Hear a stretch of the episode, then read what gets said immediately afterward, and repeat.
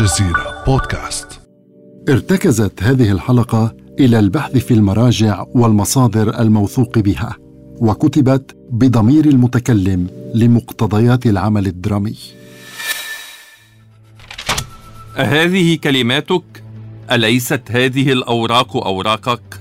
نعم أتتآمر ضدي؟ أنا ما أتيت إلى مصر إلا لمدحكم اسمع هذا إنذار أول وأخير أنت تبيع مدحك لنا ونحن نشتريه فادع النبوة وانشد الولاية حيث لا تكون أرضي. ستتذكر أيام سجنك في حمص كأنها النعيم. إذا دسست أنفك ثانية فيما لا شأن لك به. أي مكان أرتقي أي عظيم أتقي وكل ما قد خلق الله وما لم يخلقه محتقر في همتي كشعرة في مفرقي. هذا الرجل الأسود الخادم الكركدن الذي اسمه كافور يهددني وهو يشعر بأنه أضأل من أن يتولى إمارة مصر. آه بدا الموت وشيكا كأنه لامس جلدي وهو يحدثني. أحد معاونيه كان قد طلب الي تسجيل ملاحظات على الورق حول الأوضاع المضطربة في مصر كي يدققها بتمهل. فسهرت الليل لإنجاز ذلك واقترحت بعض الحلول وكتبت ما كتبت حسبة لوجه الله لكنه سلمه إياها. هل هجرت المؤامرات في حلب لأواجه مؤامرات من لا أعرفهم في الفسطاط في مدينة مصر العتيقة؟ هل تراني أخطأت في ترك سيف الدولة؟ لم اكن آمنا في الكوفة ولا في بغداد ولا حلب ولا الفسطاط. لم أكن آمنا في أي مكان في أي يوم. أنام وأتوقع الا أصحو. إيه لم تكن حياتي حياة دعة واطمئنان. ما جئت إلى مصر إلا لمدح حاكمها كافور. والعودة بهدايا وأموال وصك تنصيبي على ولاية صيدا. ما أتيت إلى مصر إلا وقد شغلت بي الالسن وعمرت قصائد مجالس الأنس واستعانت بها أقلام الكتاب وأقوال الخطباء ولحون القوالين والمغنين وسهرت فيها الأعين وكثر الناسخ لشعري المفتش عن جماني ودري. فشرق شعري حتى ليس للشرق مشرق وغرب حتى ليس للغرب مغرب. فأنا أنا أبو الطيب المتنبي.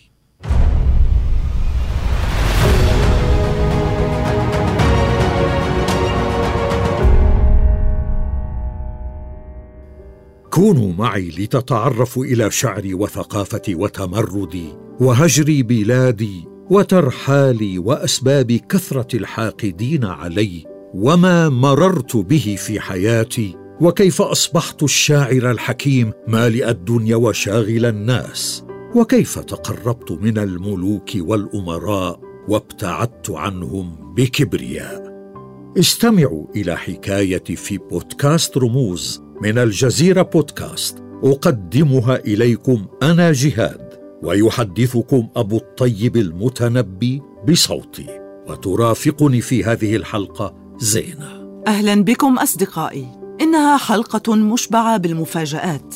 فأحمد بن الحسين بن الحسن الجعفي الذي عرف بأبي الطيب المتنبي خط في رحلة عمره غير الطويلة مجلدات من الأحداث الغريبة ليس أقلها سجنه لعامين في حمص بتهمة ادعاء النبوة. سأكشف لكم ما استطعت من خفايا حياته وشعره في هذه الحلقة المشوقة جدا.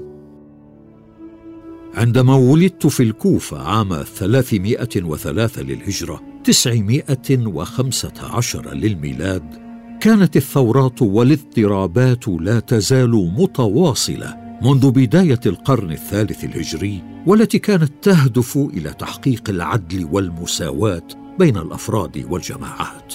لكن في الوقت عينه كان ذلك العصر الذي يعرف بالعهد العباسي الثاني هو عصر نضوج الحضارة الإسلامية واستكمال قوتها في فروع العلم والفلسفة والأدب والفن.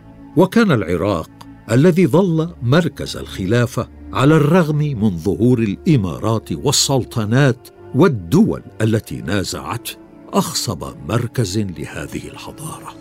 في ظل تلك الظروف ولدت وكان من الطبيعي أن أتلقى العلم منذ الصغر فتعلمت في إحدى مدارس الكوفة الكتابة والقراءة وقرأت القرآن وسمعت الشعر وتأثرت بما كنت أحفظه في المدرسة لا سيما شعر القدماء والمعاصرين وكنت ممتازا في تعلمي. لذلك وقبل أن أبلغ العاشره من عمري بدأت أقول الشعر في الغزل والحماسه والمدح والهجاء وغيرها وصرت أعرف بأبي الطيب. أليست المدرسة التي تعلمت فيها مدرسة علوية؟ لماذا تخشى أن تخبرني أن أهلك أرسلوك إلى تلك المدرسة؟ هل يا ترى لأنهم من العلويين وأنت خائف من ذكر ذلك؟ أم ماذا؟ وما همني يا زينة أنا من ذلك. المهم أنني كنت أتلقى العلم وأتزود بما يغني شخصيتي للتنمو بالثقافة والخبرة. نعم تلقيت في تلك المدرسة أصول الدين وفروعه على مذهب العلويين. ثم توجهت إلى البادية لأكتسب ما ينفعني جسديا وعقليا. فتأثرت في خلال الفترة التي قضيتها هناك بعلوم القرامطة وعشت في بيئة خشنة. فربى جسمي ونمى عقلي وفصح لساني. وعندما عدت إلى الكوفة وأنا فتى كانت شخصيتي تتصف بالرسانة اللفظية التي ترفع اللفظ عن الابتذال وتكسبه عذوبة ما بعدها عذوبة. أنا لم اكتفي بذلك كي أشق طريقي إلى الأفضل. فقررت متابعة دراستي في بغداد لألتمس العلم والأدب والمجد الشعري. لكن قيام القرامطه بالإغارة على الكوفة وغيرها من المناطق العراقية أخر تنفيذ قرار هذا حيث لم ينكفئوا عن العراق إلا بعد عام. فارتحلت حينها إلى بغداد وأنا في سن الخامسة عشرة. ولم يكن هذا الارتحال يتعلق بسعيي إلى العلم فقط بل كان أيضا خوفا من السلطان الذي لم يشفق على المقربين من القرامطة. وأنا كنت قد عشت بينهم ومعهم لفترة من أجل التعلم. إلا أن الخوف لاحقني في بغداد أيضا. فلم يطل مقامي فيها أكثر من سنتين. فغادرت إلى الجزيرة وشمال الشام وأنا لم أبلغ السابعة عشرة من عمري بعد.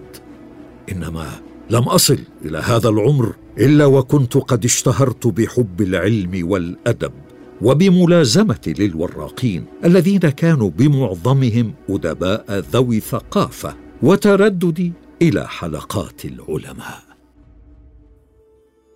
كنت أتلقف العلم والثقافة أن وجدت وأجمع المؤلفات وأعقب عليها وأنقض على كل ما يتعلق بالشعر والأدب والنحو. فتمتعت بقوة الحفظ والمثابرة على الدرس والحدة في الذكاء وبرعت في النقد والتحليل والمناقشة لكل الموضوعات.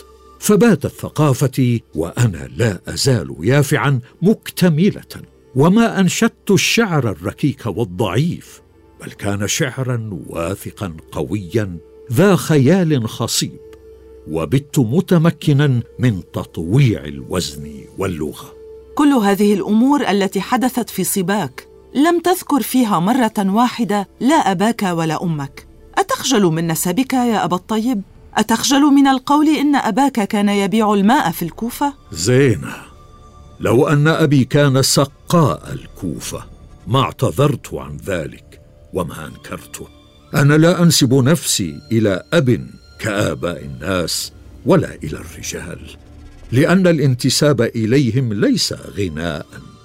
أنا أنتسب إلى المروءة والنجدة وإلى المجد والكرم والبأس والشدة وارتفاع الهمة وإلى الشعر الذي أقهر به الشعراء مهما نبغوا. لا بقومي شرفت بل شرفوا بي وبنفسي فخرت لا بجدودي. صحيح أنا لم أذكر في قصائدي أبي أو أمي. ولكن بلى ذكرت جدتي لأمي حينما رثيتها بقصيدة عند وفاتها لأنها عطفت علي وأحبتني وهي كانت من النساء الصالحات في الكوفة.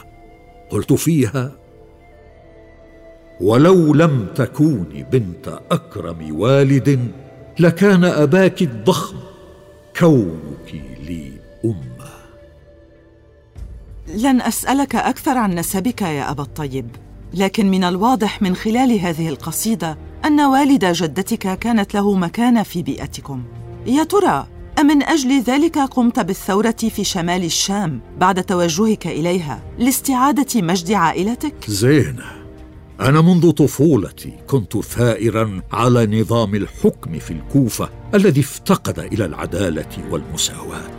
وكنت راغبا في تغييره وأتحرك شوقا إلى الشباب الذي يمنحني القوة والحرية. وعندما ذهبت إلى بغداد في مرحلة الفتوة رأيت مظاهر الطرف وألوان النعيم وفنون العبث واللهو فزاد سخطي على النظام الاجتماعي كما زاد تصميمي على أن أكون شخصية فاعلة وذات سلطة. لقد خرجت من بغداد إلى الشام متابعا طريق الجزيرة وقد ازداد حنقي وسخطي على النظام الاجتماعي والسياسي. بقيت في الشام وشمالها وقتا طويلا أتنقل خلاله بين البادية والمدن.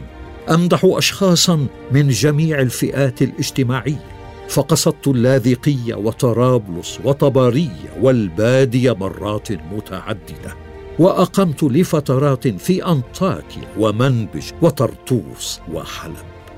أرقني الكثير من الهموم الاجتماعية وطبيعة الحياة وظروف المجتمع يا زينة. وكان شعري يعبر عن معاناتي السياسية وعن أفكاري في تغيير الحياة السائدة. فكنت ألمح في قصائدي عن آرائي من دون التصريح بها. وكان كل شيء حولي إضافة إلى التنافس بين العباسيين والاخشيديين يدفعني دفعا إلى التعبير عن هذه الآراء. وعندما عدت آخر مرة من طبرية إلى اللاذقية كنت ثائرا مضطربا لما رأيت من أمر الاخشيديين وأعمالهم. كانت أشعاري هي الثوره الدائمه على هذا الواقع الأليم. ليتك اكتفيت بشعرك الثائر. أتنكر أنك ادعيت النبوة أيضا؟ وأنك سجنت من أجل ذلك؟ أنا لم أدعي النبوة يا زينه لكن حاسيدي لاحظوا كثرة دوران أسماء الأنبياء في شعري وتشبيه نفسي بهم فميزوني بلقب المتنبي. ولعل هذا اللقب جاء بعد قولي في إحدى قصائدي ما مقامي بأرض نخلة إلا كمقام المسيح بين اليهود. كان أعدائي وحسادي قد مضوا في النعي علي فارتحلت عن اللاذقية غاضبا وقلت من الشعر ما أخاف السلطان مني فابتدعوا قصة ادعاء النبوة لردعي وسجني وإسكاتي فوجهت إلي حينها تهمة ارتكاب جريمة خطرة من جرائم الرأي قوامها الرده والخروج على السلطان والدعوة إلى تسليط السيف على المسلمين وتم سجني في حمص وأنا في عمر العشرين. وبقيت مسجونا لعامين إلى أن تم تعيين إسحاق بن كيغلغ واليا على حمص مكان الذي سجنني. فاستعطفته ومدحته أكثر من مرة ونكرت ذنبي وأعلنت توبتي فأفرج عني وغادرت سجني.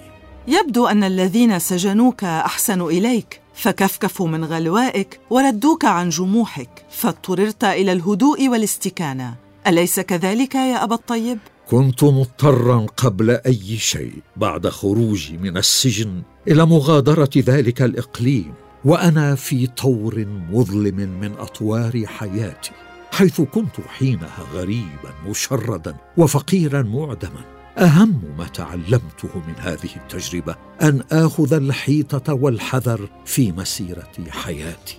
صحيح أنني كنت أرجو أن أكون رجلا مستقلا لي رياسة وزعامة وسلطان وأن أصلح الكثير من شؤون الحياة ونظم المجتمع.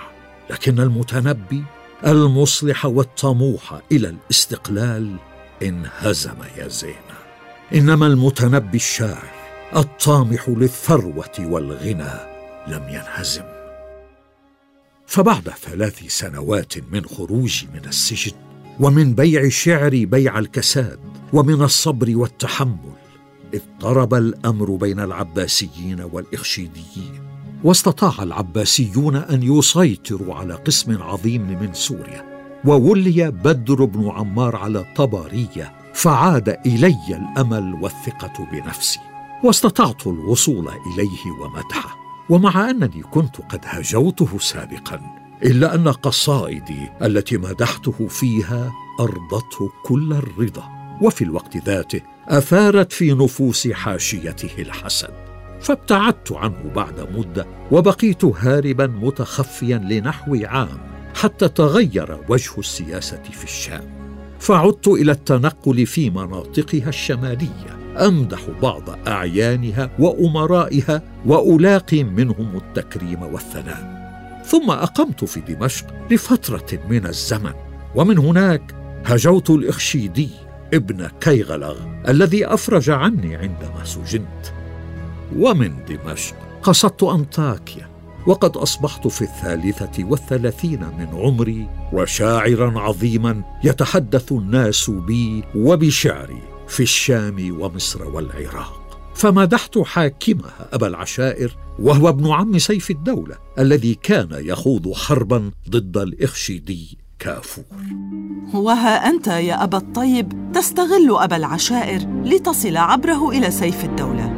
ألم تبقى سنة بكاملها عنده حتى قدم سيف الدولة إلى أنطاكيا؟ فمدحته وتوجهت معه إلى حلب حينها؟ وما العيب في ذلك؟ ليكن بمعلومك أن قصائدي كانت تعبر عن قناعة اللحظة التي أكتب فيها. وعندما كنت أرتبط بأمير أو وزير كان شعري يقتصر عليه لأنني كنت أحقق ذاتي من خلاله. وهكذا كان حالي مع سيف الدولة. فهو كان يستحق بجدارة مدحي له وشعري فيه تميز باختلاف الأنواع والألوان والفنون لأن حياته كانت مختلفة الأنحاء. إنه الأمير العربي الكريم النسب والشريف الأصل والمجاهد والشجاع والجواد. وأنا لم أكن أمدحه لأحصل على المال فقط بل كنت مرتبطا به لتسعة أعوام. قلت خلالها أجمل الشعر وكنت أرسم له الطريق وارشده واعاتبه وأشيد بحروبه وأذيع أعماله وأمجاده من خلال شعري وارث أقاربه فعبرت عن ذاتي معه أصدق تعبير. لقد حمى سيف الدولة ثغور المسلمين وحارب الروم وأدب من كان يعكر صفو دولته. وأنا لم أبق في بلاطه أنشد الشعر فقط بل رافقته في كل غزواته وعشت بصحبته أفراح النصر ومرارة الهزائم وبتنا أصدقاء وكرمني واحترمني. فلم أقبل الأرض بين يديه ولو مرة واحدة ولم أخلع سيفي في حضرته ولم أنشده شعرا إلا وأنا جالس. لقد سل سيف الدولة المجد معلما فلا المجد مخفيه ولا الضرب ثالمه لكن كل هذه المحبه والعلاقة المتينة ضاعت بعد السنوات الطويلة. عندما كثر الحاسدون والواشون والمتآمرون حولي. فظلوا ينسجون المكائد لي حتى تغيرت معاملة سيف الدولة معي فافترقنا. لعل كبريائي وشخصيتي التي لا تخلو من الخشونة قد ساهما في افتراقنا. فأنا لم أتقرب إليه كي أزيل عنه هذا الجفاء لي. بل أمعنت في تحقير من كان السبب فيه ومنهم أحد أبناء عمومته وهذا ما زاده جفاء وابتعادا عنه ففضلت الرحيل عنه وعن حلب وقصدت الشام ثم الرملة لكن قبل أن أرحل ألفت قصيدة تخصه أنشدتها في جمع من الناس كان مطلعها وحر قلباه ممن قلبه شبم ومن بجسمي وحالي عنده سقم. ومما جاء فيها أيضا أنا الذي نظر الأعمى إلى أدبي وأسمعت كلماتي من به صمم. كما قلت له الخيل والليل والبيداء تعرفني والسيف والرمح والقرطاس والقلم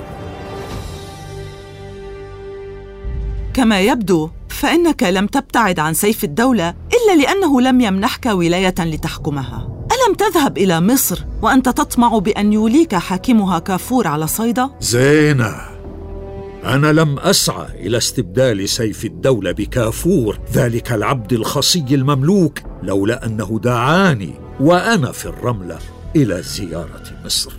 فذهبت إليه. ومدحته فمالت نفسه إلي وأحبني وقربني وأجزل لي العطاء.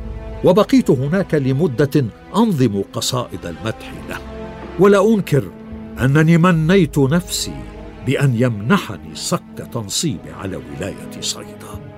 لكنه كان يعتبرني فقيرا معدما. كما أخبرني لاحقا أحد اصدقائي المقربين.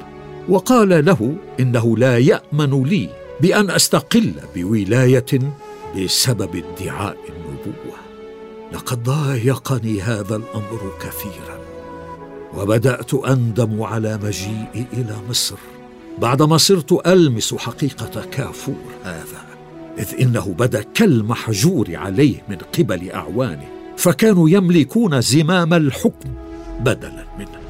عدا ذلك فقد عانيت أحابيل الجواسيس والدساسين ومع مرور الأيام أفلح أعوانه في ملئه غيظا مني وحقدا علي فسد بابه دوني.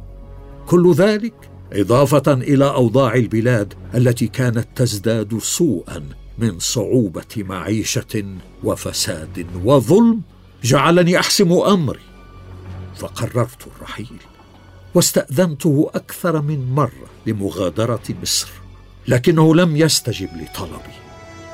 فصممت حينها على الهروب ورأيت أن عيد الأضحى هو أنسب الظروف لذلك. فكتبت قصيدة لتصل إلى مسامعه عند مغادرتي ومما جاء فيها العبد ليس لحر صالح باخ لو أنه في ثياب الحر مولود. لا تشتري العبد إلا والعصا معه. إن العبيد لأنجاس مناكيد. وأن ذا الأسود المثقوب مشفره تطيعه ذي العضاريت الرعاديد كنت قد بلغت السابعة والأربعين من عمري عندما هربت من مصر. وقد ساعدني بعض الأصدقاء المخلصين على مغادرتها. وكان ذلك فجر أول أيام عيد الأضحى فغادرتها بلا رجعة بصحبة ولدي محسد. ماذا؟ ولدك محسد؟ وهل أنت متزوج أصلا؟ لا لقد أربكتني يا أبا الطيب. كنت أظن أن لا مكان للمرأة في حياتك. لأنك لم تتحدث في أشعارك عنها أو عن جمالها ولا عن أي محبوبه جل ما في الأمر أننا سمعنا بعض أبيات الغزل في بداية مسيرتك الشعرية عندما كنت صبيا. المرأة يا زينة وردت في شعري لكن ليس بالطريقة التي تعود عليها الناس. فأنا كتبت عن المرأة العظيمة وتلك التي لا تقل شانا عن الرجل وساويتها به. أما عن جمالها فأنا محب للجمال لكنني أرى النور في الأشياء التي تستحق وفق نظرتي وتصوراتي. بالنسبة إلى ولدي محسن فهو ابن امرأة تزوجتها قبل ذهابي إلى حلب بفتره لكنها توفيت باكرا ولم يعد من بعدها موضع لامرأة في حياتي لأنني يا زينة احترمت ذكراها واعتبرت أن معرفة المرأة تنتهي بوفاة الزوجة عدا أن مشغولياتي كانت كبيرة. أنت تحدثت في أكثر من قصيدة عن حبيبة من دون أن تكشف من هي لكنك كشفت هذا السر عندما فاضت أساريرك في قصيدة عذبة بعد وفاة خولة شقيقة سيف الدولة. ألم تكن بالنهاية حبيبتك؟ إيه ربما نعم وربما لا. لا تنسي يا زينة أن خولة هي شقيقة أعز شخص على قلبي سيف الدولة. فأنا عندما بلغني خبر وفاتها أصابني حزن عميق عليها واجتاحت قلبي صدمة عارمة. فعبرت عن ذلك بعاطفة عفوية وصادقة في قصيدة رثيتها فيها. لعلني كتبت ما في داخلي من دون أي تحفظ. لذلك ربما تكونين على حق بأن تذكري أنها حبيبة لا سيما في قولي. يظن أن فؤادي غير ملتهب وأن دمع جفوني غير منسكب. لكنني قلت فيها أيضا وإن تكن خلقت أنثى لقد خلقت كريمة غير أنثى العقل والحسن. كان يكفيني يا زينة ولدي الذي رافقني في ترحالي وعاش بقربي لكنني حملته المشقات معي لا سيما بعد هروبي من مصر حيث قصدت الحجاز وتنقلت في مضارب الأعراب ما يزيد عن الأربعة شهور لأن كافورا كان يبذل كل الوسائل للإتيان بي ولم أعد إلى الكوفة إلا بعدما اطمأن قلبي إلى انعدام ما يريب. لقد هجرت سيف الدولة وهجوته وها انت تهجر كافورا وتهجوه. ترى أين سينتهي بك المطاف بعد يا أبا الطيب؟ قررت أن أقبع في داري في الكوفة وأهجر الناس جملة. وأقيم بيني وبين الملوك والأمراء سدا خصوصا أنه أصبحت لدي ثروه تكفل لي الراحة وهناء العيش. وقد كان قراري هذا نتيجة أيضا للأوضاع السياسية والاجتماعية التي كانت سائدة في العراق بسبب سطوة الديلم الذين قدموا إليه من موطنهم الأصلي في الجنوب الغربي لبحر قزوين. مؤسسين لحكم البويهيين في العراق. وقد حذرني أحد الأصدقاء في هذا الشأن وطلب إلي عدم الذهاب إلى بغداد. لكنني مع مرور الأيام في الكوفة بدأت أشعر بالخمول والعزلة. فضقت بكل شيء ورحلت عنها مع ولدي بعد بقائي فيها نحو عام ونصف عام وقصدت بغداد بالذات. وهناك التقيت بالوزير المهلبي الذي طلب إلي مرات متعددة مدحه فاعتذرت عن ذلك فحرض عددا من الشعراء ضدي ومنهم ابن الحجاج فأذيعت قصائد لهم تهجوني وتنال من عرضي. قررت حينها المغادرة وتزامن ذلك مع دعوة وجهها إلي الملك عضد الدولة لزيارته في شيراز. فتوجهت إليه عام 354 للهجرة ومدحته بقصائد متعددة فأفاض علي من كرمه الكثير ومنحني الهدايا والأموال. لكن إقامتي عنده لم تطل سوى شهور قليلة فغادرت شيراز قاصدا بغداد ثم الكوفة بصحبة ولدي محسد وبعض غلماني. وفي طريقي نزلت ضيفا في بيت أحد أصدقائي فأخبرني أن فاتك الأسدي كان يزوره قبل أيام وهو غاضب مني لأنني هجوت ابن أخته ورجاني كي يرافقني عشرون رجلا من أبناء عمومته تحسبا لانتقام فاتك. لكنني رفضت الأمر وتابعت السير مع ولدي وغلماني وحدث ما تخوف منه صديقي. وها هو ذلك القاتل فاتك يهاجمنا مع رجاله وأنا ومحسد وغلماني نواجههم بكل قوتنا. حاولت تجنب مواجهتهم لكن أحد غلماني ذكرني ببيت من أشعاري عندما قلت الخيل والليل والبيداء تعرفني. وقال لي أتهرب وأنت قائل هذا البيت؟ وقتل المتنبي مع ولده ومرافقيه وهو في عمر الواحد والخمسين. رحل الشاعر العظيم تاركا وراءه مئات القصائد في كل ألوان الشعر والكثير من الحكم. أتقن المتنبي فن الرسم بالكلمات. لذلك جاءت قصائده كلوحات غنية بالألوان والتجديد والابتكار. وهذا ما جعله سباقا في مضمار التقدم والنهوض الحضاري. وشكل شعره ثروة أدبية وفنية لا تموت عبر الزمن. ما كل ما يتمنى المرء يدركه تجري الرياح بما لا تشتهي السفن.